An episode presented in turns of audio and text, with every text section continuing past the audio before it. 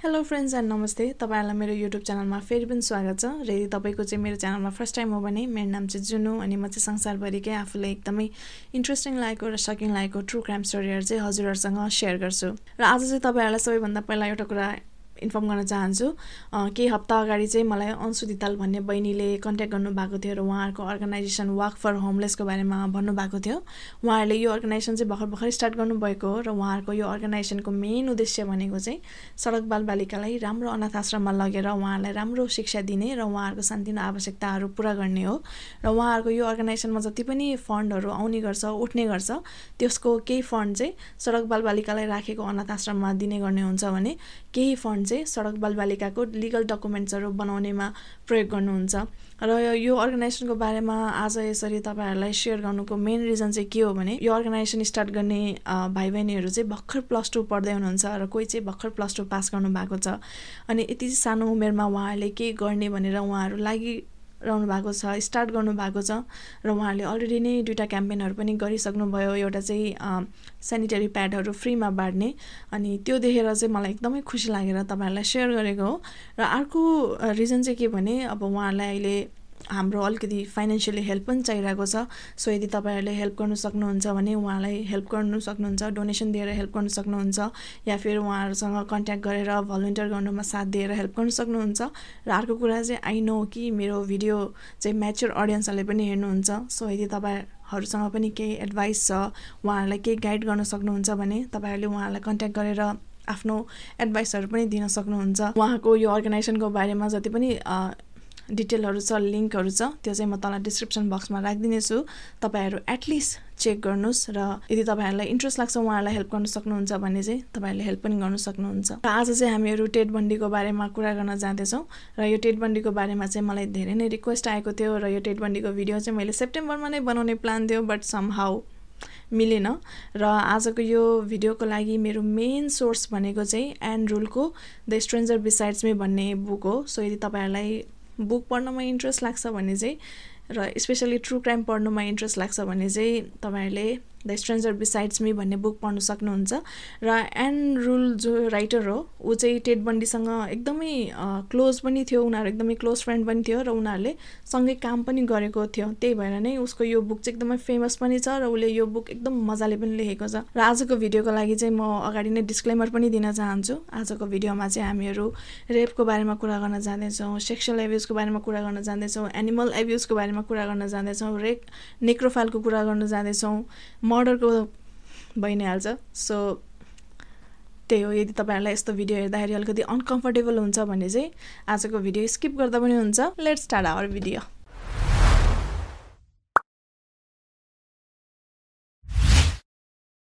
Theodore Robert Bundy जसलाई चाहिँ हामी टेड बन्डी पनि भनेर चिन्छौँ उसको जन्म चाहिँ twenty fourth November nineteen forty सिक्समा unwed होममा भएको थियो। र यो अनवेड होम चाहिँ युएसको वर्लिङटन भर्मन्ट भन्ने ठाउँमा थियो। अनि उसकी आमा एलेनोर लुइस कावेल चाहिँ त्यो टाइममा जम्मा बाइस वर्षकी थिइन् र उसकी आमाको चाहिँ बिहे पनि भएको थिएन। सो त्यही भएर नै उसको हजुरबुवा सामेल कावेलले चाहिँ फेरि अब आफ्नो छोरी बिहे नभइकन प्रेग्नेन्ट भयो छरछिमेकले नराम्रो भन्छ के भन्ला भनेर छरछिमेकले नथा पाओस् भनेर उसलाई चाहिँ अनवेड होममा पठाइएको थियो। अनि टेटको जन्म भइसकेपछि चाहिँ एलेनोरले टेटको जन्म दर्तामा चाहिँ आफ्नो मात्रै नाम लेखाएकी थिइन्। टेटको बुवा बुवाको नाम लेख्ने ठाउँ चाहिँ खाली छोडिएको थियो। र एलेनोरले भनेअनुसार चाहिँ टेटको बायोलोजिकल फादर चाहिँ लोइड मार्सल हो भनेर भनेको थियो जो चाहिँ एयरफोर्स पाइलट पनि थियो। तर एक वर्षपछि चाहिँ एलेनोरले फेरि टेटको बायोलोजिकल बुवा चाहिँ ज्याक वर्थिङटन भन्ने मान्छे हो भनेर भनेको थियो। र यो ज्याक वर्थिङटन भन्ने मान्छे चाहिँ रियलमा छ कि छैन या फिर एलेनोरले यत्तिकै भनेको हो भनेर चाहिँ कसैलाई पनि थाहा छैन। अनि टेटको बायोलोजिकल बुवा को हो भनेर कहिले पनि कन्फर्म पनि भएन। अनि टेटलाई अनि त्यसपछि एलेनोरले चाहिँ टेटलाई त्यही अनवेड होममा छोडेर नै ऊ एक्लै नै उसको बुवा र आमाको घरमा फर्केकी थिइन्। अनि उसको बुवा आमालाई चाहिँ त्यो कुरा चित्त बुझेन। त्यसपछि उसको बुवा आमाले चाहिँ एलेनोरलाई जाउ टेटलाई चाहिँ घरमा लिएर हामी हाम्रै बच्चा असरी राख्छु भनेर भनेको थियो। त्यसपछि एलेनोर अनवेड होममा गए फेरि टेटलाई घरमा ल्याएर आइन्। त्यसपछि हजुरबुवा सामेलले चाहिँ टेडलाई आफ्नो छोरा भने एडप्ट गरे र टेडलाई चाहिँ आफ्नो नाम पनि दिए। त्यसपछि चाहिँ टेडको नाम थियोडर रोबर्ट कवेल भएको थियो। अनि छरछिमेकले पनि टेटको बुवा र आमा को हो भन्दाखेरि उसकै हजुरबुवा र हजुरआमालाई मान्ने गर्थ्यो। उसको आमालाई चाहिँ उसको दिदी भन्ने गर्थ्यो।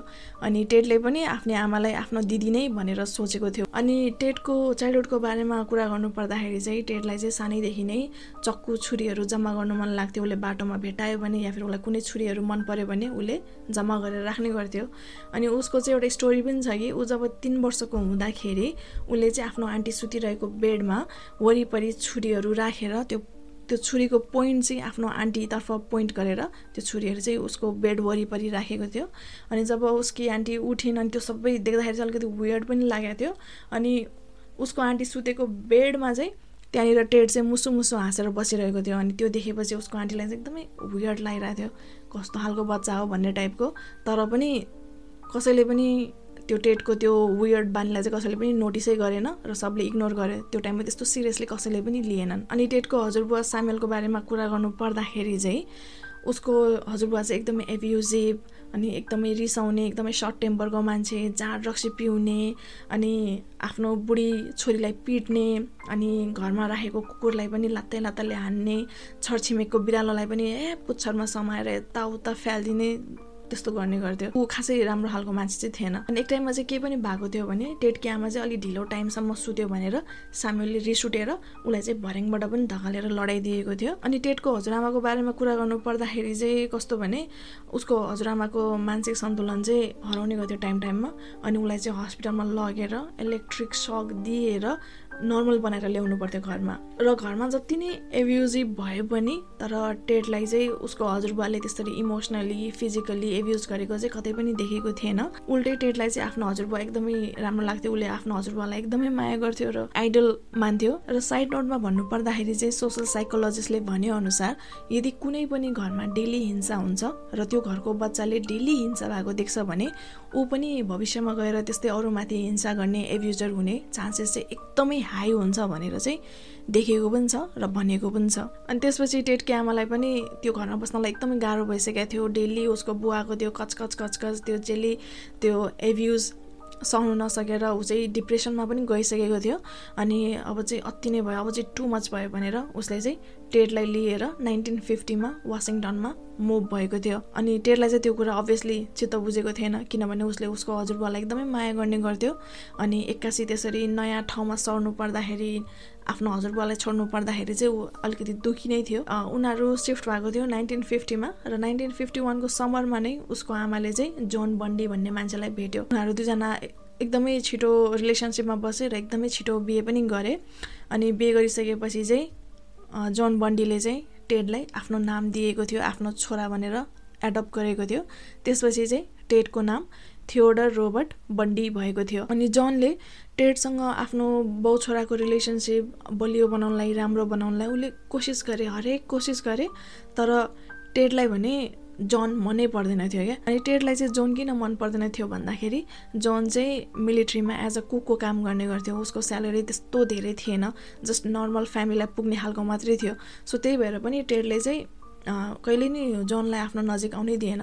जोन जति नै राम्रो जति नै जे गरे पनि टेडलाई चित्तै बुझ्दैन थियो। त्यसपछि अब जोनको र उसको आमाको अर्को बच्चाहरू भए अर्को बच्चाहरू भइसकेपछि चाहिँ उसको बाउ आमाले उसलाई वास्ता गर्न छोडिदियो र टेडले त उसको बाउ आमालाई वास्ता गर्दै गर्दैन थियो। अनि टेडको अब स्कुलको बारेमा भन्नुपर्दाखेरि चाहिँ टेड चाहिँ अलिकति भगभगे थियो। ऊ चाहिँ भगभगेर बोल्ने गर्थ्यो। अनि स्कुलमा चाहिँ उनीहरूको बोइज स्काउट भन्ने थियो। अनि त्यो बोइज स्काउटमा चाहिँ टेड चाहिँ अलिकति कमजोर होइन? अनि उसलाई चाहिँ त्यो फिजिकलमा पनि ऊ दौडिनु नसक्ने अनि उसलाई चाहिँ बन्दुकहरू पनि चलाउनु नआउने ऊ चाहिँ अलिकति कमजोर नै थियो अनि त्यही भएर नि ऊ चाहिँ साथीहरूसँग फिट पनि हुँदैन थियो। अनि त्यही माथि उसलाई चाहिँ प्रायः जस्तो एक्लै नै बस्नु मन लाग्थ्यो। सो त्यही भएर ऊ घरमा हुँदाखेरि पनि ऊ एक्लै छुटेर बस्थ्यो र स्कुलमा हुँदाखेरि पनि ऊ एक्लै नै एक्लै नै बस्ने गर्थ्यो। अनि अर्को वेयर्ड कुरा चाहिँ के भएको थियो भने पछि साइकोलोजिस्टले टेडसँग कुरा गर्दाखेरि चाहिँ टेडले के भनेको थियो भने उसको चाइल्डहुड चाहिँ एकदमै राम्रो थियो हामीहरू यस्तो गर्थ्यो उस्तो गर्थ्यो म साथीहरूसँग स्विमिङ जान्थेँ लाइक के के के भनेर भनेको थियो होइन। अनि उसको आमाले पनि के भनेकी थिइन् भने मेरो छोरा चाहिँ एकदमै एक्टिभ थियो एकदमै नर्मल थियो एकदमै हाँसेर बस्ने त्यस्तो खालको थियो भनेर भनेकी थिइन्। तर रियलमा चाहिँ के भने रियलमा चाहिँ टेडले सबैलाई प्रिटेन्ड गरेको थियो कि ऊ चाहिँ एकदमै नर्मल छ ऊ चाहिँ एकदमै पर्फेक्ट छ सबैसँग मिल्ने हाँस्ने छ भनेर उसले जस्ट बाहिर देखाउने मात्रै गर्थ्यो। रियालिटीमा चाहिँ उसलाई एक्लै नै बस्न मन लाग्ने कोही पनि मन नपर्ने त्यस्तो खालको थियो। अनि त्यसपछि टेटको उमेर बढ्दै गयो अनि ऊ टिनेजर भए टिनेजर भएपछि चाहिँ उसको नयाँ हेबिट हुन थाले। र उसको नयाँ हेबिट चाहिँ के भने पिपिङ टमको हेबिट मतलब अर्काको घरमा जाने अनि चियाउने। अनि ऊ चाहिँ महिलाहरू भएको ठाउँमा केटीहरू भएको ठाउँमा घरमा जाने अनि उनीहरूको झ्यालबाट उनीहरू सुतेर बसेको हेर्ने अनि उनीहरूलाई हेरेर ऊ चाहिँ मास्टर ब्रेड गर्ने थाल्थ्यो। अनि ऊ रातभरि नै अरू सुते त्यो छोरी मान्छे सुतेर बसेको हेरेर बस्थ्यो। यस्तै अनि बिहान बिहान हुन थालिसकेपछि चाहिँ ऊ घर फर्किने गर्थ्यो। अनि ऊ हाई स्कुलमा हुँदाखेरि पनि ऊ खासै कसैसँग मिल्दैन थियो।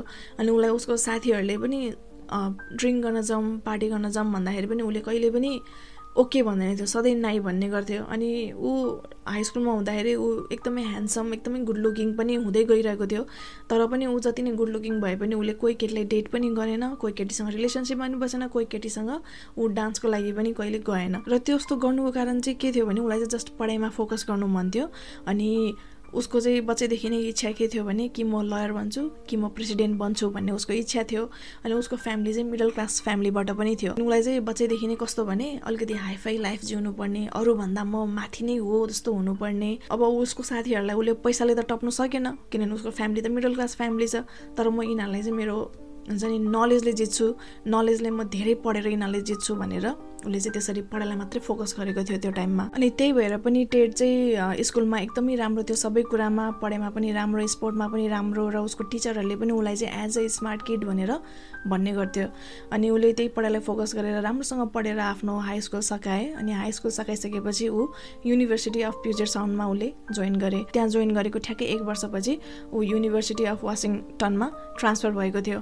अनि ऊ युनिभर्सिटी अफ वासिङटनमा ट्रान्सफर हुने बित्तिकै नै उसले आफ्नो पर्सनालिटी यस्तरी चेन्ज गरे नि उसले टोटली आफूले आफूलाई चेन्ज गर्यो क्या अनि पहिला पहिला ऊ चुपचाप भएर बस्थ्यो भने अब चाहिँ ऊ सबैजनासँग घुलमिल हुने बोल्ने आई टु आई कन्ट्याक्ट गर्ने हाँसेर बोल्ने मिठो बोल्ने ऊ जति मान्छेहरूसँग घुलमिलहरू हुन थाल्यो उसले चाहिँ उसको पर्सनालिटी पर्फेक्ट पर्सनालिटी बनाउनको लागि चाहिँ त्यति नै प्र्याक्टिस हुन्थ्यो भनेर उसले सोच्थ्यो। उसको दिमागमा चाहिँ त्यही थियो कि he has to be perfect उसको ब्याकग्राउन्ड जे जस्तो भए पनि मान्छेले हेर्दाखेरि चाहिँ ऊ एकदमै हाइफाई फ्यामिलीबाट एकदमै धनी फ्यामिलीबाट बिलोङ गर्ने खालको इभन उसले आफ्नो एक्सेन्ट पनि चेन्ज गरेको थियो। अनि अर्को कुरा चाहिँ के भने अब उसलाई चाहिँ पहिल्यैदेखि नै कि त लयर कि त प्रेसिडेन्ट बन्ने भनेर उसको पहिलेदेखि इच्छा थियो।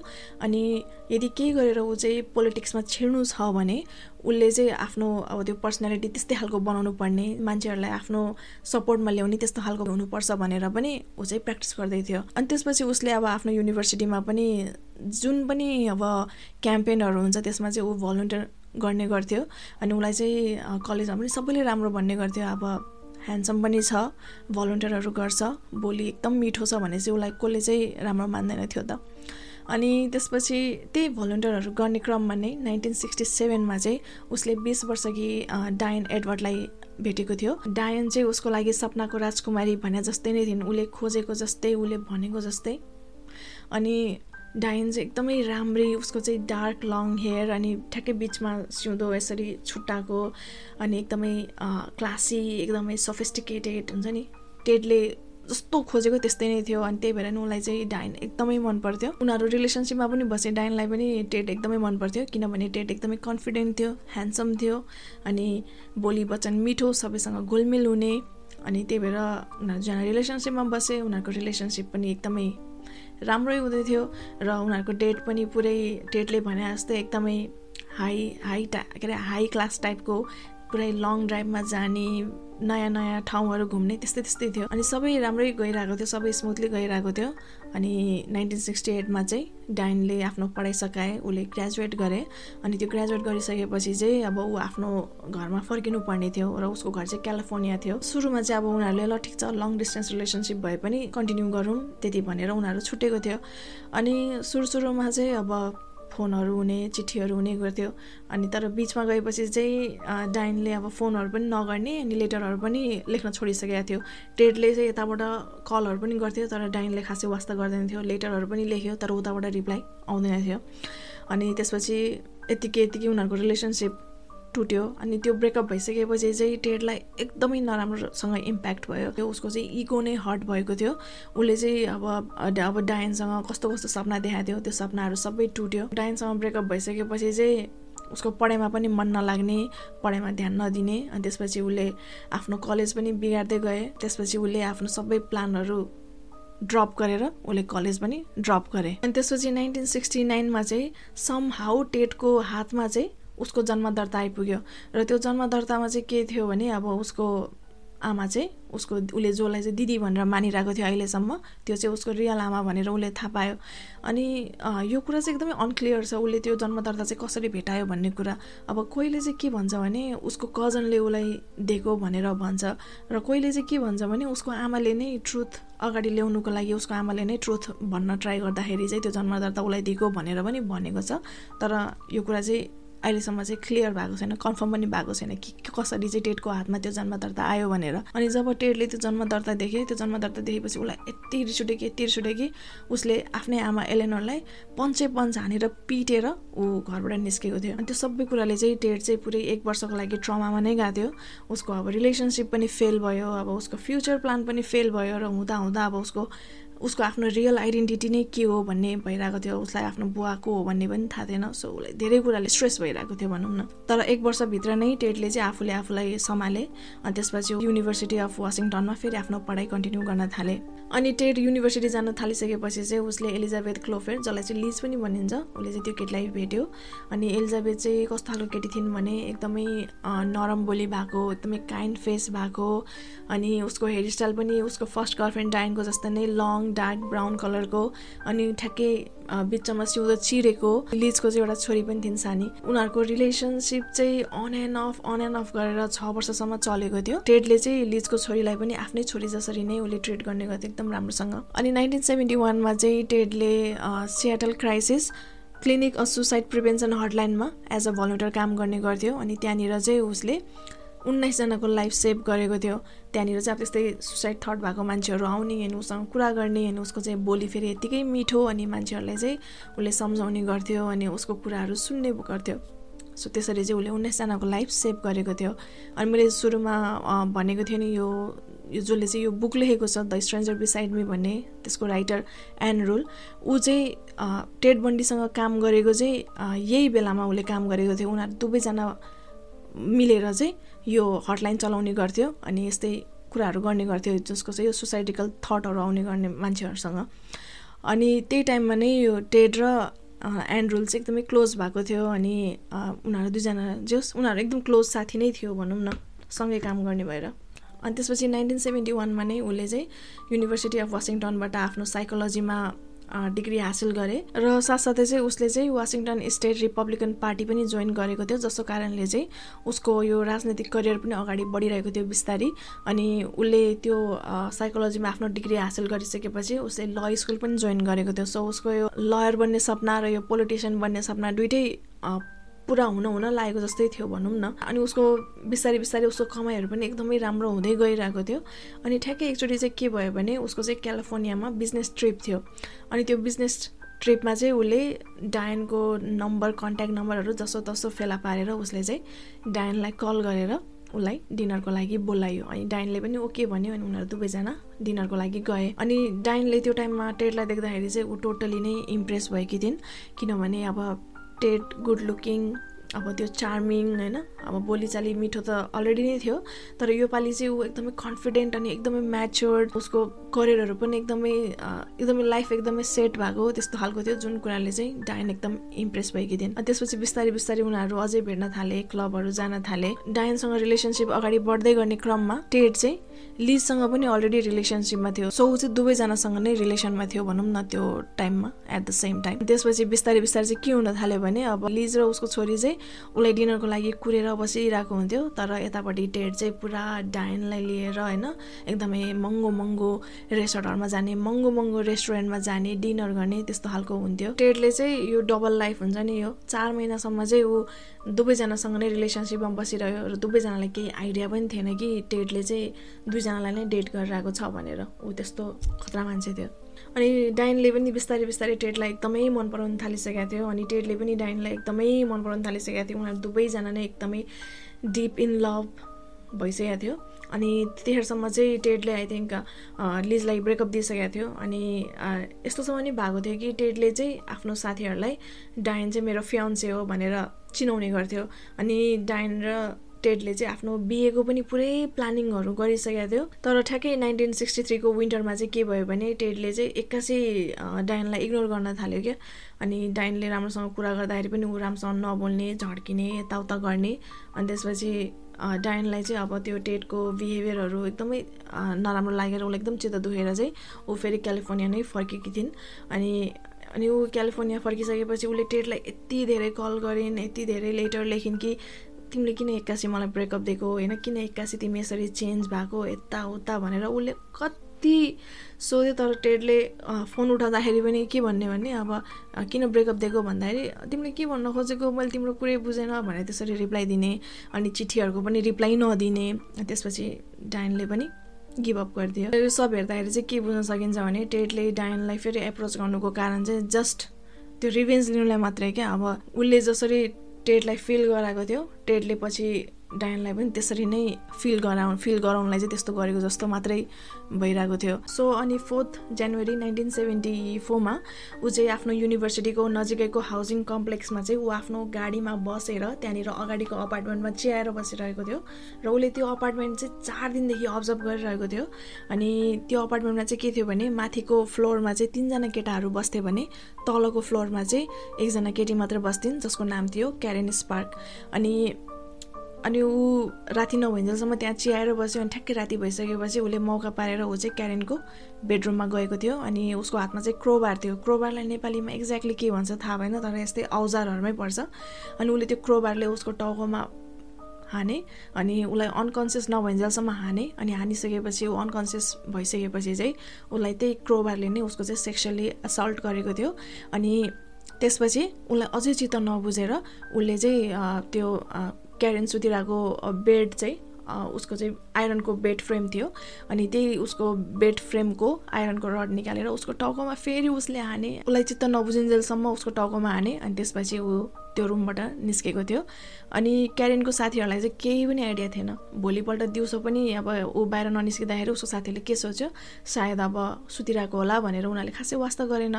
तर बेलुकाको साँझको सात बजेसम्म पनि ऊ माथि नआएपछि बाहिर ननिस्केपछि चाहिँ उसको साथीहरूले उसको रुम चेक गर्नु गएको थियो। अनि उसको रुम चेक गर्दाखेरि अब एकदमै उसको चाहिँ बेडभरि नै ब्लडै ब्लड थियो रुमभरि नै ब्लडै ब्लड थियो अनि त्यसपछि हतार हतार गरेर उसलाई हस्पिटल लगियो।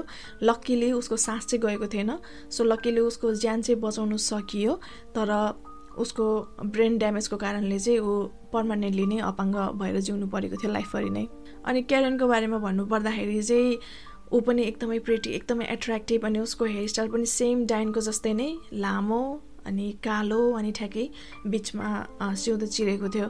सायद त्यही भएर पनि टेटले चाहिँ उसलाई एट्याक गरेको थियो। अनि टेटको ल स्कुलको सुरुको सेमिस्टर चाहिँ राम्रो हुँदै थियो तर बिस्तारै बिस्तारै उसको पढाइ फेरि बिग्रिनै थाल्यो। ऊ चाहिँ क्लास नै एटेन्ड गर्दैन थियो। ऊ चाहिँ जतिखेर पनि कलेजको केटीहरूलाई स्टक गर्ने केटीहरूलाई हेर्ने चियाउने गर्थ्यो। अनि ठ्याक्कै त्यो इन्सिडेन्ट भएको ठ्याक्कै एक महिनापछि फर्स्ट फेब्रुअरीमा उसले लिन्डा एन हेलीको रुममा गएको थियो ऊ फेरि। अनि लिन्डा लिन्डा चाहिँ कलेजको ऊभन्दा सिनियर थियो अनि उसले चाहिँ कलेजमा रेडियो सो चलाउने गर्थ्यो। अनि त्यो दिन अनि त्यो रात पनि ऊ लिन्डाको रुममा बिस्तारै गएको थियो अनि ऊ लिन्डाको रुममा जाँदाखेरि चाहिँ लिन्डाको रुममेट अलरेडी नै त्यो हलमा सुतिरहेको थियो तर पनि ऊ बिस्तारै त्यो रुममेटलाई नै पास गरेर ऊ चाहिँ लिन्डाको बेडरुममा गएको थियो। लिन्डाको रुममा जाने बित्तिकै नै ऊ सुतिरहेको बेलामा नै उसले चाहिँ सबैभन्दा पहिला उसको टाउकोमा हानेर उसलाई अनकन्सियस पारे अनि अनकन्सियस पारिसकेपछि चाहिँ उसलाई उसको पहिला लुगाहरू चेन्ज गरे त्यो ब्लडहरू लागेको लुगाहरू सबै चेन्ज गरे अनि उसलाई जिन्स र टी सर्ट लगाइदियो अनि उसको त्यो जुन नाइटी छ त्यो नाइटी चाहिँ उसले दराजमा राखिदिए अनि उसलाई चाहिँ त्यो मान्छेले नथपाओस् भनेर लिन्डाको चाहिँ बेडसिटभरि रगतै रगत लगाएको थियो। अनि उसले त्यो बेडसिट पनि उठाएर चाहिँ लिन्डालाई उठाएर अनि ऊ ब्याकडोरबाट भागेको थियो। अनि त्यसपछि लिन्डालाई उसले कहाँ लग्यो त्यो चाहिँ अनक्लियर छ तर उसले चाहिँ त्यही रेप गरेर उसको मर्डर गरे। अनि मर्डर गरिसकेपछि चाहिँ उसलाई टेलर माउन्टेनमा लगेर उसको बडीलाई छोडिदिएको थियो। अनि लिन्डाको चाहिँ अब त्यो रेडियो सो त डेली हुन्छ नि त। अनि भोलिपल्ट रेडियो सो गर्ने बेलामा लिन्डा अझैसम्म पनि आएको थिएन। अनि त्यो नआएपछि चाहिँ सबैजनालाई अलिकति वेयर्ड लागेको थियो किनभने ऊ आफ्नो कामलाई लिएर एकदमै सिरियस एकदमै पङ्क्चुअल थियो। त्यसरी विदाउट इन्फर्मेसन नआएपछि चाहिँ उनीहरूलाई अलिकति डाउट लागेर उनीहरूले सिधै पुलिसलाई इन्फर्म गरे।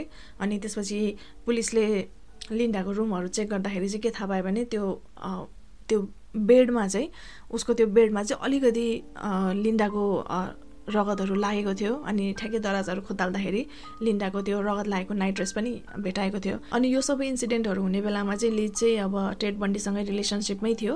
अनि उसले चाहिँ टेडको बिहेभियरहरू नोटिस गरिरहेको थियो क्या। ऊ चाहिँ एक्कासी उसको बिहेभियरहरू चेन्ज भइरहेको थियो।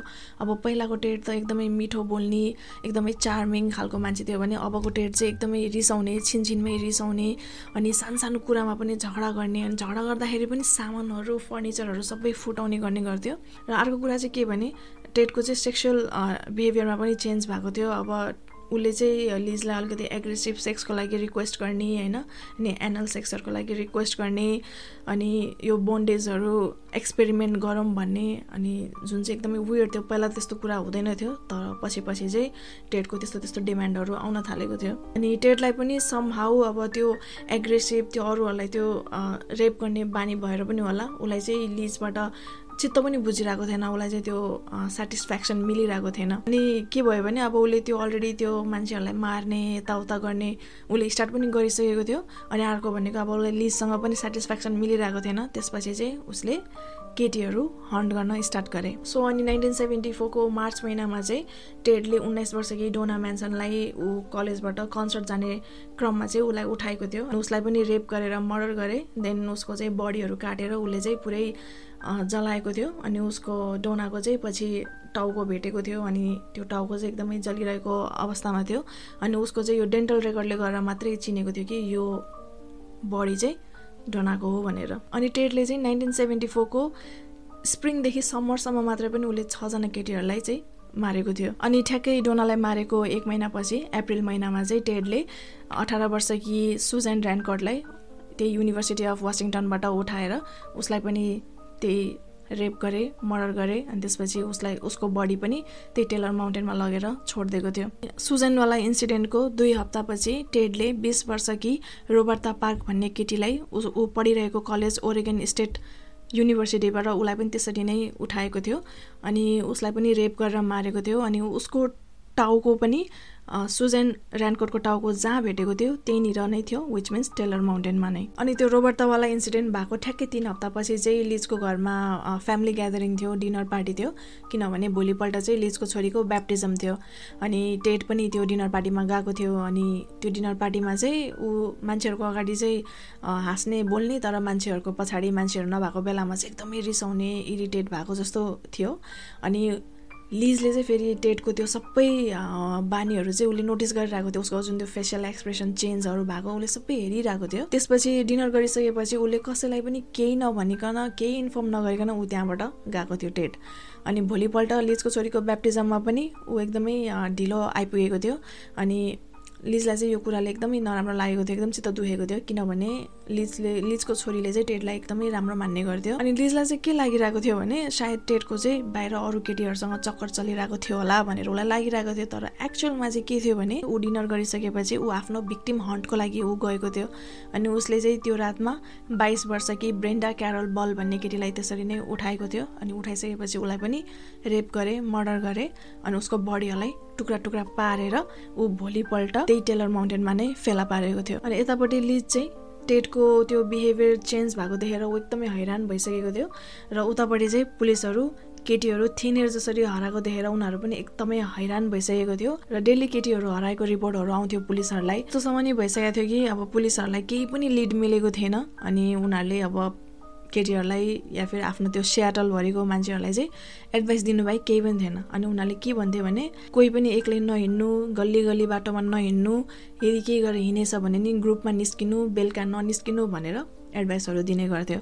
अनि पछि अब पुलिसहरूले जति पनि त्यो रिपोर्टहरू जति पनि भिक्टिमहरूको अब फोटोहरू हेर्दाखेरि चाहिँ के थियो भने सबै केटीहरू चाहिँ वाइट अनि सबैको चाहिँ लामो कपाल अनि बिचमा सिउँदो चिरेको अनि सबैजना नै एकदमै एट्र्याक्टिभ त्यस्तो थियो त्यो भनौँ न भिक्टिमहरूको चाहिँ एउटा सिमिलर फिजिकल एपिरेन्स थियो भनौँ न। यो कुराले चाहिँ सियाटलको केटीहरू यतिसम्म आत्तिएको थियो कि उनीहरू उनीहरूले कतिजनाले त आफ्नो कपाल पुरै ब्लन्ड नै बनाएको थियो। र यतापट्टि पुलिसहरू होपलेस भएको थियो भने फेरि उतापट्टि टेड चाहिँ फेरि पुरा आफ्नो कामलाई लिएर एक्सपर्ट भइसकेको थियो।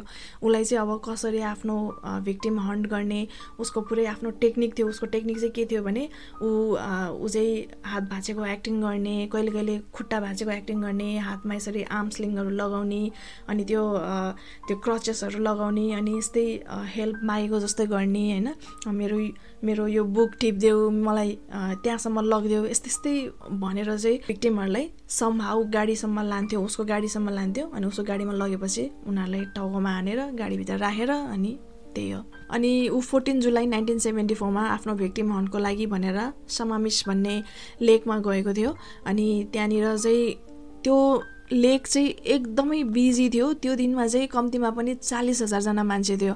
गर्मी महिनाको टाइम थियो। पुरै मान्छेहरू सनबादिङको लागि आइरहेको थियो। उसको अनि टेटको ड्रेसअप पनि ठ्याक्कै त्यस्तै अब बिचमा जान लागेको जस्तो ड्रेसअप थियो। अनि उसले चाहिँ त्यहाँनिर जो जो केटीहरू अलिक एट्र्याक्टिभ छ उनीहरूलाई एप्रोच गर्न जाने अनि उसको हात चाहिँ यसरी उसले चाहिँ त्यो आर्मस्लिङ लगाएको थियो अनि उसको हात चाहिँ अब भाँचेको छ जस्तो उसले एक्टिङ गरेर चाहिँ उसले त्यहाँनिर गएर केटीहरूलाई एप्रोच गर्ने गर्थ्यो। के अरे मलाई चाहिँ मेरो चाहिँ यो सेल बोर्ड निकाल्नलाई हेल्प गरिदिए भनेर उनीहरूले उसले भन्थ्यो। अनि अब केटीहरू बिचरा होइन? अब यसरी हात भाँचेको छ र मान्छे पनि हेर्दाखेरि गुड लुकिङ छ मेबी हेल्प चाहेको होला भनेर नै केटीहरू पनि जाने गर्थ्यो। त्यो दिनको उसको फर्स्ट भिक्टिम चाहिँ ड्यानिस नेसलन्ड भन्ने केटीलाई एप्रोच गरेको थियो अनि उसले चाहिँ त्यसरी नै हेल्प मागेको थियो कि मलाई चाहिँ मेरो सेल बोर्ड निकाल्नुमा हेल्प गरिदेऊ न भनेर उसले भनेको थियो। अनि उसले पनि ओके भनेर हेल्प गर्नलाई रेडी भयो। अनि त्यसपछि टेडले चाहिँ आफ्नो सेल बोर्ड चाहिँ पार्किङ लटमा छ त्यहाँसम्म जानुपर्छ भनेर उसले भनेको थियो। अनि डेनिसले पनि ओके भनेर पार्किङ लटसम्म गए। अनि पार्किङ लटमा जाँदाखेरि चाहिँ उसको गाडीमा सेल बोर्ड केही पनि हुँदैन थियो। उसको गाडीको अगाडिको प्यासेन्जर सिट पनि थिएन।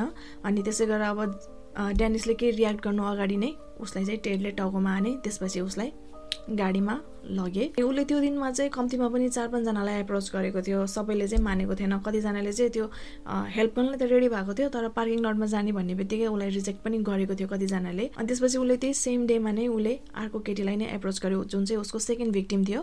र ऊ चाहिँ तेइस वर्ष कि ज्यानिस ओट भन्ने केटी थियो। र उसलाई पनि त्यसरी नै मेरो सेल बोर्ड निकाल्नलाई हेल्प गरिदेऊ यताउता भनेर। उसलाई पनि त्यसरी नै पार्किङ लटमा लगेका थिए। अनि त्यसपछि उसलाई पनि त्यसरी नै गाडीमा हालेर लगेका थिए। अनि उसले चाहिँ त्यो जेनिसलाई पनि जहाँ उसको जुन फर्स्ट भिक्टिम ड्यानिस थियो त्यहीँ नै लगेको थियो। अनि त्यहाँनिर लगेर उनीहरू दुईजना मध्येमा एकजनाको अगाडि नै एकजनालाई मारेको थियो। सो दुईजनामा एकजनाले चाहिँ एकजनाको डेथ पनि देखेको थियो। अनि त्यसपछि पछि उनीहरू दुवैजनाको बडी चाहिँ तिन महिनापछि इसाकुवा भन्ने ठाउँमा भेटाएको थियो। जब चाहिँ टेडले आफ्नो फर्स्ट भिक्टिमलाई चाहिँ एप्रोच गरिरहेको थियो त्यो फर्स्ट भिक्टिमलाई एप्रोच गर्ने बेलामा चाहिँ उसले आफ्नो नाम चाहिँ टेड भनेर उसले चिनाएको थियो। अनि त्यो बेलामा अनि के भएको थियो भने अब सबै ठाउँमा एकदमै बिजी थियो मान्छे नै मान्छे थियो। उनीहरू कुरा गरिरहेको साइड साइडमा चाहिँ विटनेसहरूले देखेको थियो। अनि एउटा केटीले चाहिँ राम्रोसँग टेडलाई नोटिस गरिरहेको थियो उनीहरूलाई नोटिस गरिरहेको थियो। सो टेडको नाम पनि उसले सुनेको थियो। अनि त्यसपछि अनि विटनेसहरूले नै पुलिसहरूलाई चाहिँ यो केटीलाई चाहिँ यसरी यो मान्छेले एप्रोच गरिरहेको थियो उसको नाम चाहिँ टेड हो अनि उसको चाहिँ एक्सेन्ट चाहिँ ब्रिटिस एक्सेन्ट थियो अनि ऊ हेर्दाखेरि पनि एकदमै गुड लुकिङ ह्यान्डसम थियो भनेर चाहिँ त्यो विटनेसले पुलिसहरूलाई बताएको थियो। अनि सुरुमा चाहिँ पुलिसहरूलाई के लागिरहेको थियो भने मेबी अब त्यो मर्डरको नाम चाहिँ टेड नहुनसक्छ यत्तिकै युज गरेको पनि हुनसक्छ भनेर पुलिसहरूलाई लागिरहेको थियो। बट स्टिल उनीहरूले चाहिँ ट्राई गरिरहे कि यो टेड नाम गरेको चाहिँ सबै मान्छेहरूलाई उनीहरूले खोजिरहेको थियो। अनि यस्तै खोज्ने क्रममा चाहिँ त्यो बेलामा चाहिँ फेरि के थियो भने इन्टरनेटको जमाना थिएन।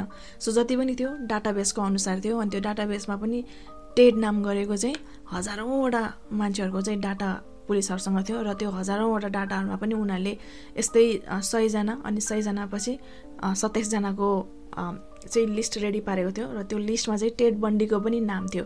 अनि टेड बन्डीको नाम चाहिँ विटनेसहरूले अर्को कुरा चाहिँ के पनि एड गरेको थियो भने चाहिँ टेडको चाहिँ भोल्क्स वागन बिटल भन्ने गाडी पनि छ भनेर भनेको थियो। सो त्यही भएर चाहिँ टेड बन्डीको जुन युनिभर्सिटीको प्रोफेसर थियो उसले चाहिँ अब अलिकति त्यो सिमिलर भएर चाहिँ पुलिसहरूलाई नाम दिएको थियो। पुलिसहरूले अनि लिस्ट हेरे त्यहाँनिर थियो थियोडर रोबर्ट बन्डी भनेर थियो। अनि त्यसपछि अनि पुलिसहरूले अब प्रोफाइल चेक गरे सबैको एउटा एउटा प्रोफाइल चेक गरे। प्रोफाइल चेक गर्दाखेरि टेड बन्डीको प्रोफाइलमा चाहिँ त्यस्तो डाउटफुलवाला केही पनि थिएन क्या। ऊ हेर्दाखेरि पनि एकदमै राम्रो भलादमी होइन? अनि पढाइ लेखाइ पनि सबै राम्रो। उसको अब पोलिटिकल पार्टीमा लागिरहेछ। ऊ ल ल स्टुडेन्ट हो मेन त। अब ल स्टुडेन्टले त त्यस्तो नियमहरू त तोड्दैन भन्ने पुलिसहरूको माइन्डमा अलरेडी थियो। सो त्यही भएर टेड बन्डीको नाम चाहिँ त्यो लिस्टबाट निकालिदिएको थियो। अनि त्यसपछि एक्कासी टेडलाई के रियलाइज भयो भने अब ऊ चाहिँ लयर बन्नको लागि भए पनि ल स्कुल फेरि राम्रोसँग जोइन गर्ने भनेर ऊ युनिभर्सिटी अफ युटा जोइन गरे अनि ऊ युटा गए। अनि ऊ उता जाने बित्तिकै नै लिजले चाहिँ यतापट्टि सबै डटहरू कनेक्ट गरिरहेको थिइन्। उसले चाहिँ अब पुलिसहरूले पनि त पुरै पब्लिक गरिरहेको थियो कि हामी फलानु नाम गरेको मान्छे खोजिरहेछौँ यस्तो यस्तो भनेर पुरै पब्लिक भइरहेको थियो। अनि अर्को कुरा चाहिँ के भने लिजले चाहिँ टेटको सामान भएको ठाउँमा चाहिँ उसले केटीको कपडाहरू भेटाइरहेकी थिइन्। त्यहाँनिर चाहिँ अन्डरवेयरहरू केटीको कपडाहरू थियो। सो उसले चाहिँ एकदमै आर्ट गरेर पुलिसलाई कल गरिन्। पुलिसलाई कल गरेर चाहिँ तिमीहरूले खोजिरहेको मान्छे चाहिँ सायद मेरो बोयफ्रेन्ड हुनसक्छ भनेर उसले टिप दिएको थियो। तर त्यो टाइममा चाहिँ पुलिसहरूलाई पैँतिस सयवटा बेसी कल आएको थियो। सो उसको कल पनि एउटा ऱ्यान्डम कल भनेर चाहिँ पुलिसहरूले इग्नोर गरेको थियो। अनि त्यसपछि अब टेड अब आफ्नो ल स्टडीलाई नै फोकस गर्ने भनेर बसिरहेको थियो अनि उसले चाहिँ पुरै ब्याप्टाइज भएर होइन पुरै चर्चहरूमा गएर चर्च एक्टिभिटिजहरूमा पनि पुरै पार्टिसिपेट गर्ने। अनि उसले चाहिँ त्यही उसको आफ्नै युनिभर्सिटीको आफ्नै क्लासमेट ल स्टुडेन्टलाई नै आफ्नो गर्लफ्रेन्ड बनाएको थियो स्यारन आवर भन्नेलाई। र अर्को कुरा चाहिँ टेटलाई राम्रोसँग यो कुरा थाहा थियो कि उसलाई चाहिँ पुलिसहरूले खोजिरहेको छ भनेर। सो ऊ वासिङटन छोडेर युटा आउनुको अर्को रिजन चाहिँ त्यो पनि थियो। Second October nineteen seventy four same इयरमा नै सोह्र वर्षकी नेन्सी विलकक्स भन्ने आफ्नो घरबाट पसलसम्म चुङ्गम किन्नको लागि भनेर गएकी थिइन्। तर ऊ त्यहीँबाट नै हराइन्। उसको लास्ट चाहिँ पुलिसहरूले फेला त पार्न सकेको थिएन तर पछि टेडले चाहिँ के कन्फेस गरेको थियो भने उसलाई पनि रेप गरेर अनि मर्डर गरेर अनि उसको बडी चाहिँ क्यापिटल रिफ नेसनल पार्कमा गाडेको भनेर पछि उसले कन्फेस गरेको थियो। त्यही महिनामा नै ट्वेन्टी सिक्स अक्टोबरमा टेडले चाहिँ सत्र वर्षकी मेलिसा स्मिथ भन्ने केटीलाई ऊ चाहिँ आफ्नो साथीको घरमा डिनरको लागि जाने भनेर जाँदै गर्दाखेरि उसलाई उठाइ मेलिसा चाहिँ पुलिस चिफको छोरी पनि थिइन् अनि उसको लास चाहिँ नौ दिनपछि भेटेको थियो र पोस्टमार्टम रिपोर्टमा चाहिँ के देखाएको थियो भने उसलाई पनि त्यसरी रेप गरेर उसको चाहिँ घाँटी दबाएर मारेको अनि उसको डेथ चाहिँ ठ्याक्कै हलोविनको डेमा नै मारेको भनेर थियो। अनि थर्टी फर्स्ट अक्टोबर हलोविनको दिनमा चाहिँ सत्र वर्षकी लौरायम भन्ने केटी हराएकी थिइन् र पछि उसको बडी चाहिँ जमेको अवस्थामा प्रोबो क्यानियन भन्ने ठाउँमा भेटाएको थियो। अनि सेम इयर नै एथ नोभेम्बरमा चाहिँ अठार वर्षकी क्यारोल दारोन्स भन्ने केटी चाहिँ मलमा विन्डो सपिङको लागि गइरहेकी थिइन्। अनि त्यहाँनिर चाहिँ एकजना मान्छेले उसलाई एप्रोच गरेको थियो र त्यो मान्छे चाहिँ टेड बन्डी थियो। अनि उसले चाहिँ आफूले आफूलाई म पुलिस हो अनि तिम्रो गाडीलाई चाहिँ कसैले तिम्रो गाडीमा चाहिँ कसैले चोट्न खोजिरहेको थियो।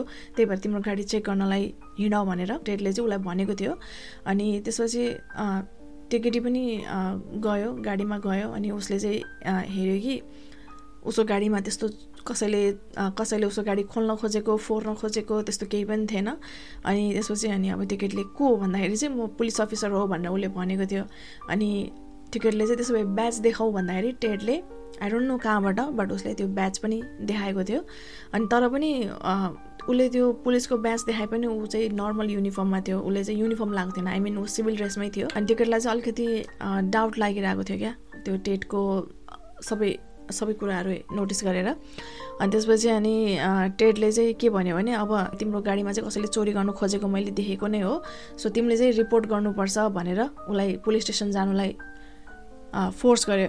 अनि उसले चाहिँ के भन्यो भने मेरो गाडीमा केही पनि सामान हराएको छैन मलाई त्यस्तो केही पनि लाइक केही रिपोर्ट गराउनु छैन भनेर उसले भनेकी त थिइन्। तर टेडले के भन्यो भने होइन मैले देखेकै हो तिमी आउनैपर्छ पुलिस स्टेसनमा भनेर उसले त्यति भनेपछि अब के भन्ने अनि त्यसपछि ऊ पनि टेडको गाडीमा चढेर पुलिस स्टेसनको लागि भनेर गएँ। तर टेटको गाडी चाहिँ पुलिस स्टेसनबाट पनि पुरै पार भएको थियो अनि पार भइसकेपछि चाहिँ त्यो केटीलाई डर लाग्न थाल्यो क्या। अनि त्यो केटीलाई डर लाग्न थालिसकेपछि टेडले हत्ता नपत्ता उसको हातमा चाहिँ हतकडी लगाइदिएको थियो। अनि त्यो हतकडी लगाइदिए पनि केटी चाहिँ जबरजस्ती अब उसले जबरजस्ती गर्नु खोज्दै थियो जबरजस्ती फाइट गरेर चाहिँ त्यो टेटको गाडीको ढोका खोलेर ऊ चाहिँ त्यहाँबाट जम्प गरेको थियो गाडीबाट जम्प गरेको थियो। अनि टेडले चाहिँ उसलाई अब पक्रिनु त पक्रेको थियो अनि यति बेसरी पक्रेको थियो अनि अनि उनीहरू दुवैजना नै अब केटी चाहिँ उम्किनु खोज्दै थियो टेडले चाहिँ उसलाई समाउनु खोज्दै थियो। त्यही टाइममा चाहिँ ठ्याक्कै त्यो केटीले चाहिँ टेटको आँखा हेरेको अनि टेटको आँखा हेर्दाखेरि चाहिँ टेड चाहिँ एकदमै ब्ल्याङ्क थियो। उसको आँखामा चाहिँ केही इमोसन थिएन भनेर चाहिँ केटीले पछि इन्टरभ्यूमा एक्सप्लेन गरेको थियो। अनि त्यसपछि एक्कासी टेडलाई के भयो? अनि टेडले चाहिँ त्यो केटीलाई छोडिदियो। त्यसपछि हत्ता त्यो केटी अर्को अर्को गाडीमा गएर उसले चाहिँ मलाई छिटोभन्दा छिटो पुलिस स्टेसनमा छोडिदेऊ भनेर त्यो केटी त्यहाँबाट भाग्न सफल भएको थियो। तर त्यो कुराले टेडलाई चाहिँ फेरि एकदम टेन्सन भएको थियो किनभने उसले विटनेस छोडेको थियो। अब उसले त्यो केटीले गएर पुलिस स्टेसनमा गएर स्केचहरू बनाएर उसको सबै इन्फर्मेसनहरू दिन सक्थ्यो र उसले दियो पनि पछि गएर पुलिस स्टेसनमा। अनि त्यसपछि क्यारल अब पुलिस स्टेसनमा गए अनि उसको अब एभिडेन्सको नाममा चाहिँ त्यो हटकडी थियो। त्यो हटकडी देखाएर नै उसले चाहिँ पुलिस स्टेसनमा रिपोर्ट गरे। अनि क्यारल त्यो इन्सिडेन्ट पछि चाहिँ ऊ यति धेरै डिस्टर्ब भएको थियो कि उसलाई चाहिँ अब फेरि पनि त्यो मान्छे आएर फेरि एट्याक गर्छ होला किनभने अब विटनेस हो उसलाई विटनेस मेटाउनलाई जे पनि गर्नुसक्छ भनेर ऊ चाहिँ एकदमै डराएकी थिइन् र यतिसम्म डराएकी थिइन् कि पुलिसहरू पनि उसको सेक्युरिटीको लागि भनेर आउनु परेको थियो। क्यारल त्यसरी भागिसकेपछि चाहिँ टेडलाई एकदमै डर लागेको थियो कि ताकि अब उसलाई अब फेरि पुलिसहरूले खोजिरहेको छ भनेर ऊ चाहिँ जनवरी महिनामा नाइन्टिन सेभेन्टी फाइभको जनवरी महिनामा चाहिँ ऊ लिजलाई भेट्ने न्युमा चाहिँ सियाटल गएको थियो। पछि इन्टरोगेसन गर्ने टाइममा चाहिँ टेडले के कुरा कन्फेस गरेको थियो भने एट नोभेम्बरमा जुन दिन चाहिँ क्यारल त्यसरी भागेको थियो उसलाई त्यो क्यारल भागेको कुराले चित्त नबुझेर उसले सेम डेमा नै सत्र वर्षकी डेब्रा केन्ट भन्ने केटीलाई त्यसरी नै एट्याक गरेर उसलाई रेप गरेर मर्डर गरेर अनि उसको बडी चाहिँ त्यो नेन्सी विलकक्स भन्ने को जुन बडी थियो त्यही क्यापिटल रिफ नेसनल पार्क नजिकै नै उसको बडीलाई पनि त्यहीँ गाडेको भनेर उसले पछि पुलिसहरूलाई कन्फेस गरेको थियो। र टेड योपालि लिजकोमा जाँदाखेरि चाहिँ ऊ एकदमै चेन्ज भएर गएको थियो। ऊ चाहिँ पहिलावाला टेड भएर गएको थियो एकदमै हाँसेर बोल्ने राम्रोसँग बोल्ने हालोवाला। अनि लिजलाई चाहिँ टेडको त्यो बिहेभियर देखेर उसलाई चाहिँ रिग्रेट भइरहेको थियो कि उसले चाहिँ गलत मान्छेको बारेमा चाहिँ पुलिसलाई टिप दियो भनेर। अनि त्यसपछि नाइन्टिन सेभेन्टी फाइभको विन्टरमा चाहिँ टेड र लिजले चाहिँ पुरै वेडिङ प्लान गरिरहेको थियो र टेडको उताको गर्लफ्रेन्डलाई लिजको बारेमा थाहा थिएन र लिजलाई उताको गर्लफ्रेन्डको बारेमा केही पनि थाहा थिएन। अनि त्यसपछि टेडले चाहिँ अब म मेरो सेकेन्ड सेमेस्टर सघाउनु जानुपर्छ भनेर ऊ चाहिँ फेरि युटा जाने भनेर लिजलाई चाहिँ युटा जाने भनेर ढाँटेको थियो तर ऊ चाहिँ कोलोराडो गएको थियो। त्यो पनि मर्डर गर्नको लागि। अनि उसले मर्डरहरू गर्न थालेको चाहिँ एक वर्ष भइसकेको थियो। सो ऊ यो काममा एकदम एक्सपर्ट नै भइसकेको थियो। अनि उसले चाहिँ के गर्थ्यो भने अब केही महिनासम्म चाहिँ उसले कन्टिन्युसली केटीहरूलाई मार्ने गर्थ्यो भने त्यसपछि केही महिनासम्म चाहिँ ऊ चुप लाएर बस्ने गर्थ्यो क्या। अनि त्यसपछि अब पुलिसहरूले यदि के गरेर लिड पायो भने पनि ऊ आफ्नो त्यो मान्छे मार्ने काम छोडिदिन्थ्यो। अनि त्यसपछि पुलिसहरू फेरि हराउने गर्थ्यो। आई मिन पुलिसहरू लस हुने गर्थ्यो कि उनीहरू जहाँ स्टार्ट भएको थियो। त्यही नै गएर रोकिने गर्थ्यो। पुलिसहरूलाई चाहिँ राम्रोसँग लिड पनि मिल्दैन थियो कि इन्भेस्टिगेट अगाडि बढाउनुको लागि। अनि नाइन्टिन सेभेन्टी फाइभसम्म चाहिँ उसले अब लयर बन्ने उसको सपना उसले गिभअपै गरिदिइसकेको थियो र त्यो टाइममा उसको एउटै मात्र गोल थियो त्यो भनेको चाहिँ जति सक्दो धेरैभन्दा धेरै महिलाहरूलाई रेप गर्ने अनि मर्डर गर्ने। त्यसपछि टुवेल्भ जनवरी नाइन्टिन सेभेन्टी फाइभमा एसपेनको वाइल्डवुड इन भन्ने स्की रेसर्टमा चाहिँ तेइस वर्षकी क्यारेन क्याम्पेल अब ऊ स्की गरेर आफ्नो रुममा जाने भनेर जाँदै गर्दाखेरि ऊ चाहिँ हराएकी थिइन् र पछि उसको बडी चाहिँ नेकेट अवस्थामा रोडको साइडमा भेटिएको थियो। अनि त्यसपछि ऊ कोलोराडोबाट फेरि युटा फर्केको थियो र खासै त रिजन त ऊ युटा फर्किनुको रिजन के हो भनेर त खासै क्लियरली त भनेको छैन। तर कता कता सुनेअनुसार चाहिँ ऊ युटा जानुको मेन रिजन चाहिँ आफ्नो गर्लफ्रेन्ड स्यारनलाई भेट्न गएको भनेर भनेको छ। अनि ऊ युटा जाँदै गर्दाखेरि नै यस्तै आधा रातको दुई बजीतिर चाहिँ पुलिसले उसको गाडी रोकेको थियो अनि उसको गाडी रोकेर उसको गाडीहरू चेक गरेको थियो अनि उसको गाडी चेक गर्दाखेरि उसको गाडीमा चाहिँ त्यहाँनिर हतकडीहरू भेटाएको थियो अनि क्रोबार भेटाएको थियो डोरीहरू भेटाएको थियो। त्यो सामानहरू हेरेर चाहिँ पुलिसलाई अब यसले मर्डर गर्छ भन्दा पनि यो चाहिँ कसैको घरमा चोरी गर्ने चोरी गर्छ कि भन्ने डाउटले चाहिँ पुलिसहरूले उसलाई चौकी लगेको थियो तर उसलाई चौकीमा लगिसकेपछि चाहिँ पुलिसहरूले उसलाई यत्तिकै फेरि छोडिदिएको थियो अनि त्यो छोडिसकेपछि चाहिँ पुलिसहरूलाई के फिल भइरहेको थियो भने त्यो क्यारोल जो जो चाहिँ भागेको थियो उसले दिएको डिस्क्रिप्सन चाहिँ त्यो मान्छेसँग मिल्नु गइरहेको थियो क्या अनि त्यसपछि चाहिँ पुलिसले फेरि टेडलाई चाहिँ बोलाएर अनि त्यहाँनिर लाइनअप गरेर बस्न लगाएको थियो अनि टेट फेरि यस्तो बाठो थियो कि त्यो बेलामा टेटले आफ्नो कपालहरू पनि पुरै छोटो छोटो पारेर अनि पुरै दारीहरू सेप गरेर गएको थियो ताकि उसलाई नचिनोस् भनेर। अनि त्यसपछि टेटलाई अब अरू मान्छेहरूसँग नम्बर राख्यो र क्यारलले पनि टेटलाई देख्ने बित्तिकै नै टेटले जतिसुकै लुक चेन्ज गरे पनि क्यारलले टेटलाई चिनिहाल्यो।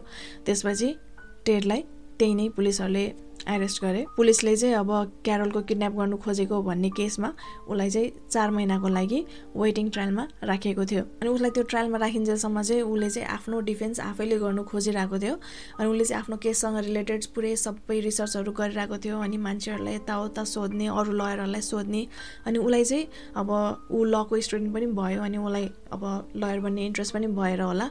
उसले चाहिँ अब उसलाई चाहिँ त्यो सबै कुराहरू एकदम रमाइलो लागिरहेको थियो क्या। त्यो कोर्ट हुन्छ नि त्यो ए जजहरू बसेको यताउता त्यो इन्भाइरोमेन्टहरू चाहिँ उसलाई एकदमै रमाइलो लागिरहेको थियो। अदालतमा पनि उसले कति न उसले नै जित्ने जसरी नै आफूले नै डिफेन्ड गरेर चाहिँ उसले के के के के कुराहरू भनिरहेको थियो कति न उसको पोइन्ट स्ट्रङै छ जस्तो गरेर पुरै फुर्ती लाएर आफ्नो केस आफैले लडिरहेको थियो तर उसले आफ्नो केस हारे त्यसपछि उसलाई चाहिँ पन्ध्र वर्षको जेल सजाय दिएको थियो। अनि उसलाई त्यो जेलमा राखेको ठ्याक्कै आठ महिनापछि चाहिँ उसको यो अर्को मर्डर केस बाहिर आएको थियो जुन चाहिँ क्यारन क्याम्बेलको थियो।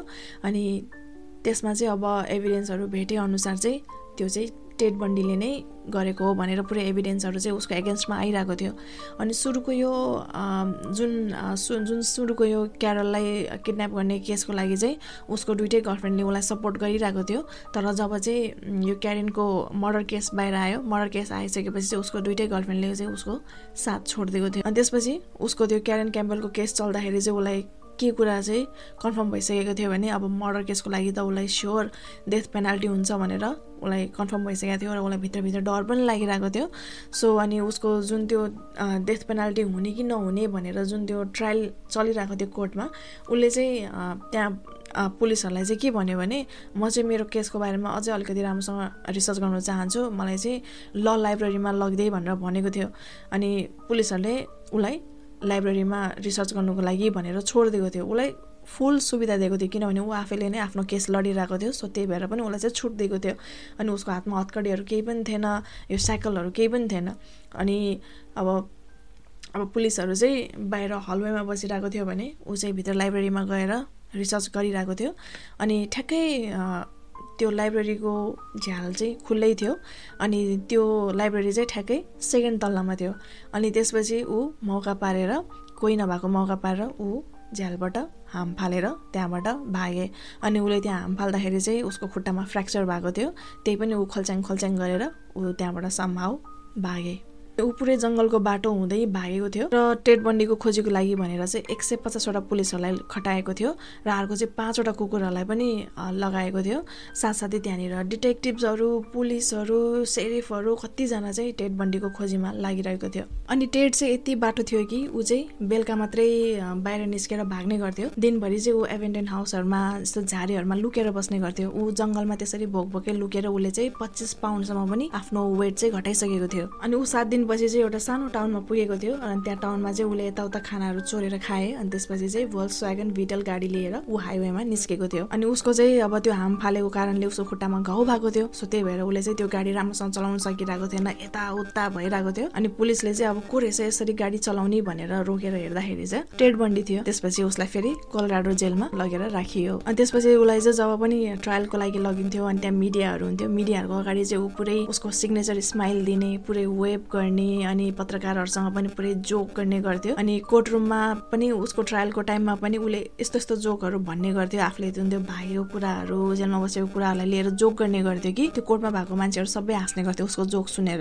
अनि thirty December nineteen seventy seven ठ्याक्कै न्यु इयर इभको बेलामा उसले चाहिँ कोही पनि नउठेको मौका पारेर बिहान नै पुरै त्यो बुकहरूले भर्याङ जस्तो बनाएर अनि ठ्याक्कै उसको सेल यो सेल भयो अनि ठ्याक्कै बिचको माथि चाहिँ स्क्वायरमा थियो अनि ऊ चाहिँ त्यो बुकहरूको सहायताले भर्याङ जस्तो बनाएर त्यहाँ माथि पालमा गएर ऊ चाहिँ त्यो पालबाट माथि गएको थियो। अनि उसको ठ्याक्कै सेलभन्दा माथि चाहिँ अफिसरहरूको अपार्टमेन्ट थियो। अनि ऊ त्यो पालबाट छिरेर माथि गए। त्यसपछि अफिसरहरूको लुगा लगाएर नै ऊ सानले मूल ढोकाबाट नै अगाडि निस्के। आई मिन मूल ढोकाबाट नै ऊ निस्केर भागे। अनि जेलरहरूलाई चाहिँ पन्ध्र घन्टापछि मात्रै थाहा भएको थियो कि बन्डी चाहिँ भागेर गयो भनेर। त्यो पनि कसरी थाहा पाएको भन्दाखेरि चाहिँ अब बेलुका बन्डीलाई राखेको खाना चाहिँ बिहानसम्म पनि खाएको थिएन उसले। त्यसपछि के भएछ भनेर उसको जेलमा चेक गर्नु जाँदाखेरि चाहिँ त्यो मान्छे सुत्ने ठाउँमा उसले चाहिँ बुकहरू राखेर ब्ल्याङ्केट छोपेर उसले चाहिँ मान्छे सुतेको जस्तो बनाएर चाहिँ ऊ त्यसरी भागेको थियो। अनि उसले यो स्केपको लागि चाहिँ पहिल्यैदेखि नै प्लान गरेर राखेको थियो। अनि उसले चाहिँ त्यो सानो पलमा फिट हुनुपर्छ भनेर नै उसले चाहिँ पुरै आफ्नो वेट लुज गरेर आएको थियो। उसले त्यो पाल लिटरली यति मात्रै थियो तर उसले यति धेरै आफ्नो वेट लुज गरे कि त्यो पालबाट ऊ छिर्न सफल भए अनि भाग्न पनि सफल भए। अनि एभ्री नाइट चाहिँ ऊ चाहिँ त्यो पालबाट यसरी जान्छु उसरी जान्छु भनेर ऊ चाहिँ प्र्याक्टिस गरेर बस्ने गर्थ्यो। अनि उसलाई चाहिँ नाइन्टिन सेभेन्टी फोरदेखि लिएर नाइन्टिन सेभेन्टी फाइभसम्म मात्रै पनि पन्ध्रवटा मर्डर केस लागिसकेको थियो।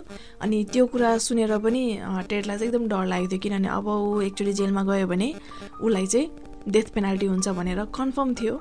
सो त्यसपछि चाहिँ के भयो भने अनि उसले चाहिँ आफ्नो केस आफै लडिरहेको थियो उसले आफ्नो केसको डिफेन्स आफै गरिरहेको थियो नि त। सो उसलाई चाहिँ डिफेन्स फन्ड पनि छुट्याइदिएको थियो। सो टेडले चाहिँ त्यही डिफेन्स फन्ड लिएर नै ऊ भागेको थियो। अनि त्यही डिफेन्स फन्डले नै ऊ पुरै अमेरिका घुमेको थियो। ऊ डेनबर गए सिकागो गए अनि उसले चाहिँ कतिवटा म्याचहरू पनि हेरेको थियो भनेर उसले इन्टरभ्यूमा पनि भनेको छ। एकदमै क्याजुअल एकदमै कुल वेमा। अनि अर्को कुरा चाहिँ उसको यो जेल स्केपको स्टोरी सुनेर चाहिँ मलाई चार्ल्स सोब्रासको याद आइरहेछ। अनि फिफ्टिन जनवरी नाइन्टिन सेभेन्टी एटमा एकतिस वर्षको टेट बन्डी फेरि केटीहरूलाई स्टक गर्न स्टार्ट गरे। अनि योपालि चाहिँ उसले काई ओमेगा सोरोरिटी हाउसको केटीहरूलाई टार्गेट गरिरहेको थियो। अनि उसले पुरै कति दिनदेखि नोटिस पनि गरिरहेको थियो। अनि फिफ्टिन जनवरीको रातमा चाहिँ अब त्यो सोरोरिटी हाउसको केटीहरू चाहिँ डान्स गरेर बेलुकाको यस्तै दुई बजीतिर फर्केको थियो। अनि उनीहरू फर्किसकेपछि सबैजना आफ्नो रुममा गएर सुतिसकेपछि चाहिँ टेडले ठ्याक्कै उनीहरूको घरभन्दा बाहिर चाहिँ एउटा रुखको मुढा उठाएको थियो लग। अनि त्यो लग उठाएर चाहिँ ऊ भित्र गएको थियो। र ऊ सबैभन्दा पहिला चाहिँ एक्काइस वर्षकी मार्गरेट बोमनको रुममा छिरेको थियो। अनि उसलाई पहिला त्यो लगले टाउकोमा हाने अनि त्यसपछि चाहिँ उसको घाँटी दबाएर उसलाई मारिदिए। अनि उसलाई त्यतिले पनि पुगेन। त्यसपछि ऊ नेक्स्ट रुममा गए। अर्को रुममा चाहिँ बिस वर्षकी लिस लेबी भन्ने केटी सुतिरहेकी थिइन्। अनि उसको रुममा गएर पनि उसलाई पहिला हाने अनि त्यसपछि उसको पनि घाँटी दबाएर उसलाई मारिदिए अनि उसलाई मारिसकेपछि चाहिँ उसलाई सेक्सुअली एसल्ट गरे। र उसलाई त्यति कुराले पनि चित्त नबुझेर चाहिँ उसको बटकमा उसले यस्तो नराम्रोसँग टोकेको थियो कि उसको दाँतको चाहिँ पछि पुरै डामहरू नै बसेको थियो। अनि त्यति मात्र नभएर उसले चाहिँ लिसाको चाहिँ राइट ब्रेस्टको चाहिँ निप्पल पनि पुरै चुडिने गरी टोकेर चाहिँ निकालिदिएको थियो। अनि उसलाई त्यतिले पनि नपुगेर झन् उसलाई रिस उठ्यो। अनि त्यसपछि ऊ फेरि अर्को सरोडिटीको अर्को महिलाहरूलाई एट्याक गर्नलाई गए। अनि त्यहाँ पनि उसले चाहिँ दुईवटा महिलाहरूलाई एट्याक गरेको थियो। र उसले चाहिँ सबैभन्दा पहिला नै उनीहरू सुतिरहेको बेलामा नै म लाइक पिट्ने अनि अनकन्सियस पार्ने अनि त्यसपछि झन् पिट्ने क्या अनि उसले चाहिँ त्यो टाइममा त्यो महिलाहरूलाई मार्यो सोचेर चाहिँ ऊ त्यहाँबाट भागेको थियो।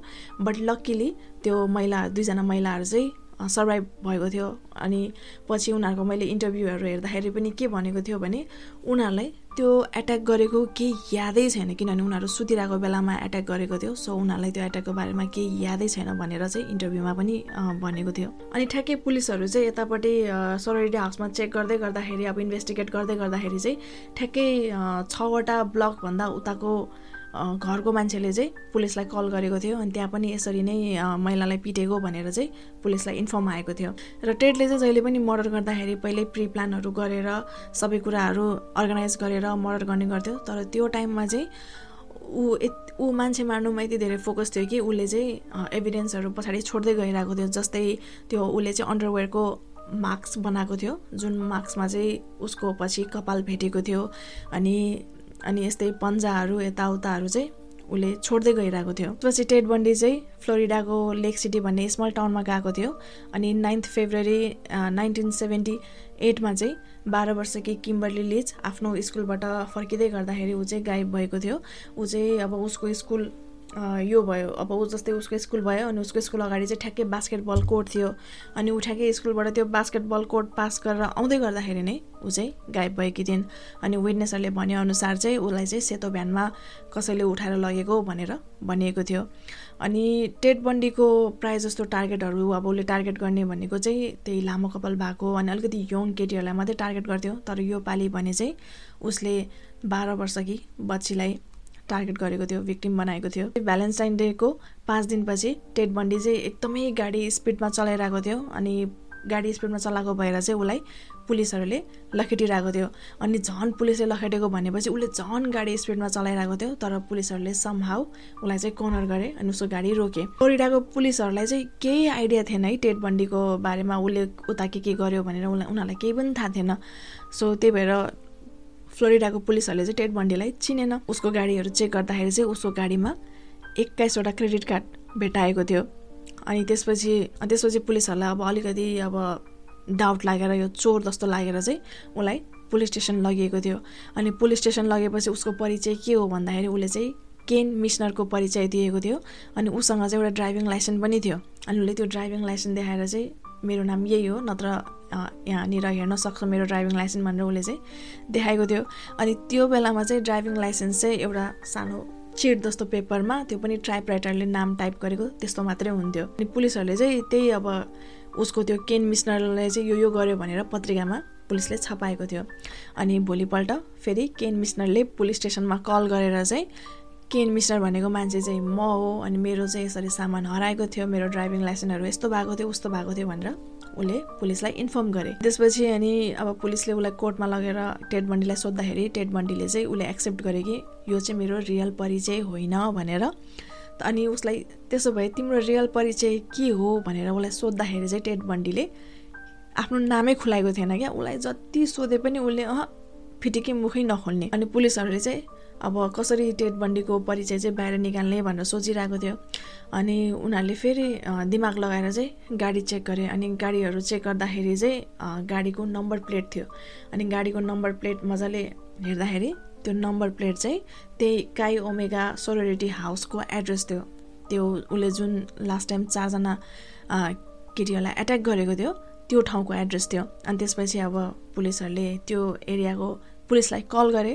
अनि त्यसपछि सबै कुराहरू खुलासा भयो। त्यसपछि फ्लोरिडाको पुलिसहरूले केही पनि थाहा पायो भने टेड बन्डी चाहिँ अमेरिकाको नै टप टेन मोस्ट वान्टेड लिस्टमा पर्छ भनेर उनीहरूले थाहा पाए। त्यसपछि डिटेक्टिभहरूले टेड बन्डीको इन्टरोगेसन लिन थाले। अनि उसलाई के के क्वेसनहरू गर्न थाले र उसले चाहिँ म तिमीहरूलाई पहिला आफ्नो केही कन्फेस गर्नुभन्दा अगाडि चाहिँ म मेरो गर्लफ्रेन्ड लिजलाई फोन गर्नु चाहन्छु भनेर उसले डिटेक्टिभलाई भने र डिटेक्टिभले पनि उसलाई एलाउ गरे। अनि त्यसपछि टेड बन्डीले लिजलाई फोन गरेर के भन्यो भने भोलि बिहान न्युजमा चाहिँ मेरो बारेमा एकदमै अग्ली खबरहरू आउनुसक्छ नराम्रो खबरहरू आउनुसक्छ बी रेडी भनेर उसले चाहिँ वान गरेको थियो लिजलाई। टेडले चाहिँ त्यो कन्फेसनमा चाहिँ उसले छत्तिसवटा मर्डर केस चाहिँ कन्फेस गरेको थियो तर एक्सपर्टहरूले भने अनुसार चाहिँ उसले सयजनाभन्दा बेसी महिलाहरूलाई मारेको हुनसक्छ भनेर भनिएको छ। अनि अर्को कुरा चाहिँ टेड बन्डीले भिक्टिमहरूलाई मारिसकेपछि अब भिक्टिमहरूको लास उसले जहाँ छोडेको छ जहाँ लुकाएर राखेको छ ऊ फेरि त्यही ठाउँमा जाने गर्थ्यो। अनि भिक्टिमको लासहरूसँग चाहिँ उसले सेक्स गर्ने गर्थ्यो। अनि जबसम्म चाहिँ त्यो लास टोटल्ली डिकम्पोज हुँदैन थियो जबसम्म चाहिँ सेक्स गर्नुको लागि पोसिबल हुँदैन थियो तबसम्म चाहिँ उसले त्यस्तो गर्ने गर्थ्यो। अनि टेड बन्डीले अब आफ्नो कुराहरू सबै कन्फेस गरिसकेपछि चाहिँ टेड बन्डीको खबर चाहिँ पुरै संसारभरि नै एकदमै पपुलर भएको थियो। अनि युएसको सबैभन्दा फर्स्टमा टेलिभाइज भएको केस पनि टेड बन्डीकै थियो। उसको त्यो जुन सुनवाईहरू ट्रायलहरूमा चाहिँ सबैहरूमा चाहिँ पुरै टेलिभिजनमै देखाएको थियो। अनि कति धेरै मिडियाहरू चाहिँ उसको त्यो ट्रायल सुट गर्नको लागि भनेर कोर्टभरि आएको थियो। अनि त्यो ट्रायलको टाइममा चाहिँ के हुन्छ भने जस्तै अब कल्प्रिटहरूलाई पनि मर्डरहरूलाई पनि त एउटा एउटा वकिल दिएको हुन्छ नि त। अनि त्यो टाइममा अब टेड बन्डीसँग चाहिँ पैसा थिएन उसले वकिल हायर गर्नको लागि। सो उसलाई चाहिँ गभर्मेन्टले नै एउटा वकिल दिएको थियो उसको तर्फबाट डिफेन्ड गरोस् भनेर। अनि उसलाई त्यसरी उसको लागि भनेर गभर्मेन्टले डिफेन्स राखे पनि ऊ चाहिँ ओभर जान्ने हुने क्या। ऊ चाहिँ आफ्नो केस आफै ह्यान्डल गर्नु खोजिरहेको थियो। अनि उसलाई चाहिँ अब के अरे वकिलहरूले चाहिँ उसको उसको लयरहरूले चाहिँ कोसिस गरिरहेको थियो कि अब कसरी हुन्छ उसलाई चाहिँ अब हुन्छ नि जे जस्तो भए पनि अब उनीहरूको मजबुरी नै भए पनि उनीहरूले चाहिँ अब आफ्नो क्लाइन्टलाई कसरी बचाउने भनेर पुरै अब दिमागहरू लगाइरहेको थियो टेक्निकहरू लगाइरहेको थियो तर टेड बन्डी चाहिँ जान्ने भएर आफ्नो केस आफै ह्यान्डल गर्नु खोजिरहेको थियो। उसको जुन त्यो एटिट्युड हुन्छ नि त्यो मै जान्ने मै गर्ने भन्ने त्यो एटिट्युडले गरेर चाहिँ उसको लागि चारवटा लयरहरू चाहिँ चेन्ज गर्नु परेको थियो। उसको त्यो एटिट्युड सहन नसकेर कोर्टबाटै निक्लेर गइदिने क्या। अब त्यो ट्रायलको टाइममा नै उसलाई छोडेर गइदिने। र पछि ऊ त्यही हो। अनि त्यसपछि ऊ जान्ने भयो। जान्ने भइसकेपछि अब जजले सबै गल्ती उसकै देख्यो। उसको देखेपछि अनि उसको त्यो एरेस्ट हुनुभन्दा अगाडि चाहिँ क्यारोल एन्ड बोनी भन्नेसँग चाहिँ उसको एफेयर चलिरहेको थियो। अनि पुरै जजहरूको अगाडि नै उसले चाहिँ त्यो क्यारोललाई पुरै प्रपोज गरेको थियो अनि क्यारलले पनि एक्सेप्ट गरेको थियो। ऊ त्यो जेलमा बसेर आफ्नो त्यो डेथ रोमा बस्दाखेरि नै उसले चाहिँ त्यो केटीसँग बे गर्यो अनि बे गरेपछि अब उनीहरूको त्यो जेलभित्र नै भयो अनि त्यसपछि चाहिँ उसको एउटा छोरी पनि जन्मेको थियो। सुरु सुरुमा चाहिँ टेट बन्डीले के भन्थ्यो भने अब म अलिकति म निर्दोष छु भनेर यताउता भनेर भन्ने गर्थ्यो। त्यही भएर बोनीले चाहिँ उसलाई सपोर्ट गरिरहेको थियो। तर एक टाइममा आएपछि चाहिँ के भयो भने टेट बन्डीले आफ्नो गल्तीहरू चाहिँ स्वीकार्दै थियो आफ्नो अपराधहरू चाहिँ स्वीकार्दै थियो। त्यसपछि चाहिँ बोनीलाई अलिकति नराम्रो लाग्न थाले अनि त्यसपछि चाहिँ उसले जेलमा नै डिभोर्स दिए। अनि डिभोर्स दिएको ठ्याक्कै एक वर्षसम्म चाहिँ ऊ भिजिट गर्नु गइरहन्थ्यो टेट बन्डीलाई तर त्यसपछि एक वर्षपछि चाहिँ उसले भिजिट गर्नु पनि छोडिदियो।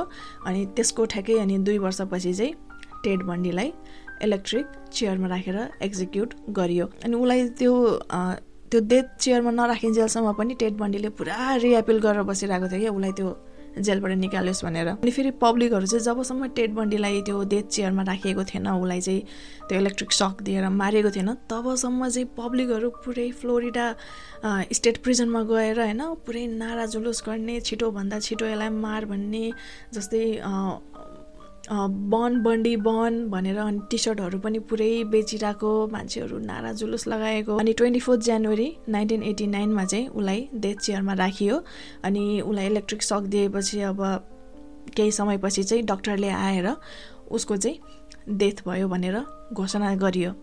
अनि त्यो घोषणा गरिसकेपछि डिटेक्टिभ फेरि बाहिर आएर मान्छेहरूलाई ल टेट बन्डी चाहिँ अब मऱ्यो भनेर सुनाइसकेपछि चाहिँ त्यो जेलको बाहिर जुन जुन जहाँ चाहिँ टेट बन्डीलाई त्यो डेथ पेनल्टी दिएको थियो त्यहाँको बाहिर मान्छेहरू चाहिँ पुरा चेयर गरिरहेको थियो पार्टी गरिरहेको थियो पुरै रमाइलो गरिरहेको थियो पुरै फेस्टिभल भइरहेको थियो त्यहाँनिर। जस मान्छेहरू सबैजना एकदमै खुसी थिए। अनि डिटेक्टिभले चाहिँ के पनि भनेको थियो भने इन्टरभ्यूमा उसको लाइफमा चाहिँ कोही मान्छे मरेर यति धेरै खुसी भएको भने चाहिँ त्यही नै फर्स्ट टाइम थियो भनेर उसले भनेको पनि थियो। सो फाइनली टेट बन्डीको स्टोरी पनि सकियो। यदि तपाईँहरूले लास्टसम्मै सुन्नु भएको भए त्यसको लागि चाहिँ धेरै धेरै धन्यवाद। सो आजको लागि यति नै। आई होप तपाईँहरूलाई आजको स्टोरी राम्रो लाग्यो होला भनेर। र यो केसलाई लिएर आफ्नो केही प्रतिक्रियाहरू छ भने कमेन्ट गर्न नबिर्सिनुहोस्। आजको भिडियो राम्रो लाग्यो भने लाइक गर्न नबिर्सिनुहोस् र यस्तै क्राइम स्टोरीहरू सुन्न रमाइलो लाग्छ इन्ट्रेस्टिङ लाग्छ भने सब्सक्राइब पनि गरिदिनु होला। र यदि तपाईँहरूलाई चाहिँ कुनै स्टोरी सजेस्ट गर्नु मन छ र कुनै स्टोरी मैले भनिदियो जस्तो लाग्छ भने तपाईँहरूले मलाई मेरो रेडिट थ्रु अरू इन्स्टाग्राम थ्रु चाहिँ मेसेज गरेर भन्नु सक्नुहुन्छ। सो आजको लागि यति नै। अर्को क्राइम स्टोरी लिएर अर्को हप्ता आउनेछु। त्यतिन्जेलसम्मको लागि please stay safe take care and bye bye